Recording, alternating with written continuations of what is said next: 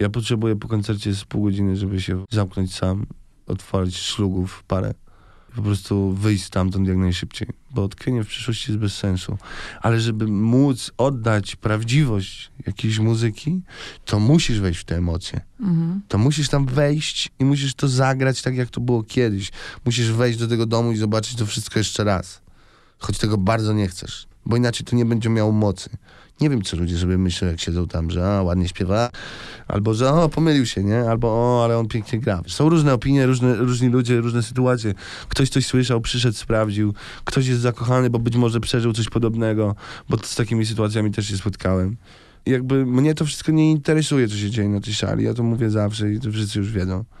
To dla Jakby- kogo śpiewasz? Dla kogo śpiewam?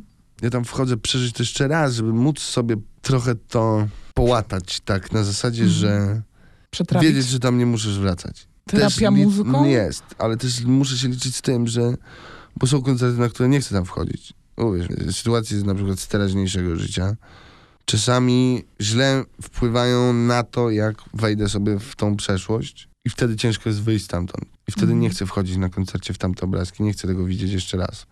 Bo mogę sobie nie poradzić, żeby wyjść z tamtych momentów i to może trwać dużo dłużej. Ty jesteś totalnie bezsilna, nie masz siły, opadasz, nie masz jesteś zmęczony, po prostu jedyne co chcesz, to chcesz się położyć spać. Bo to jest tak jakby, są tak silne emocje, bo to są emocje.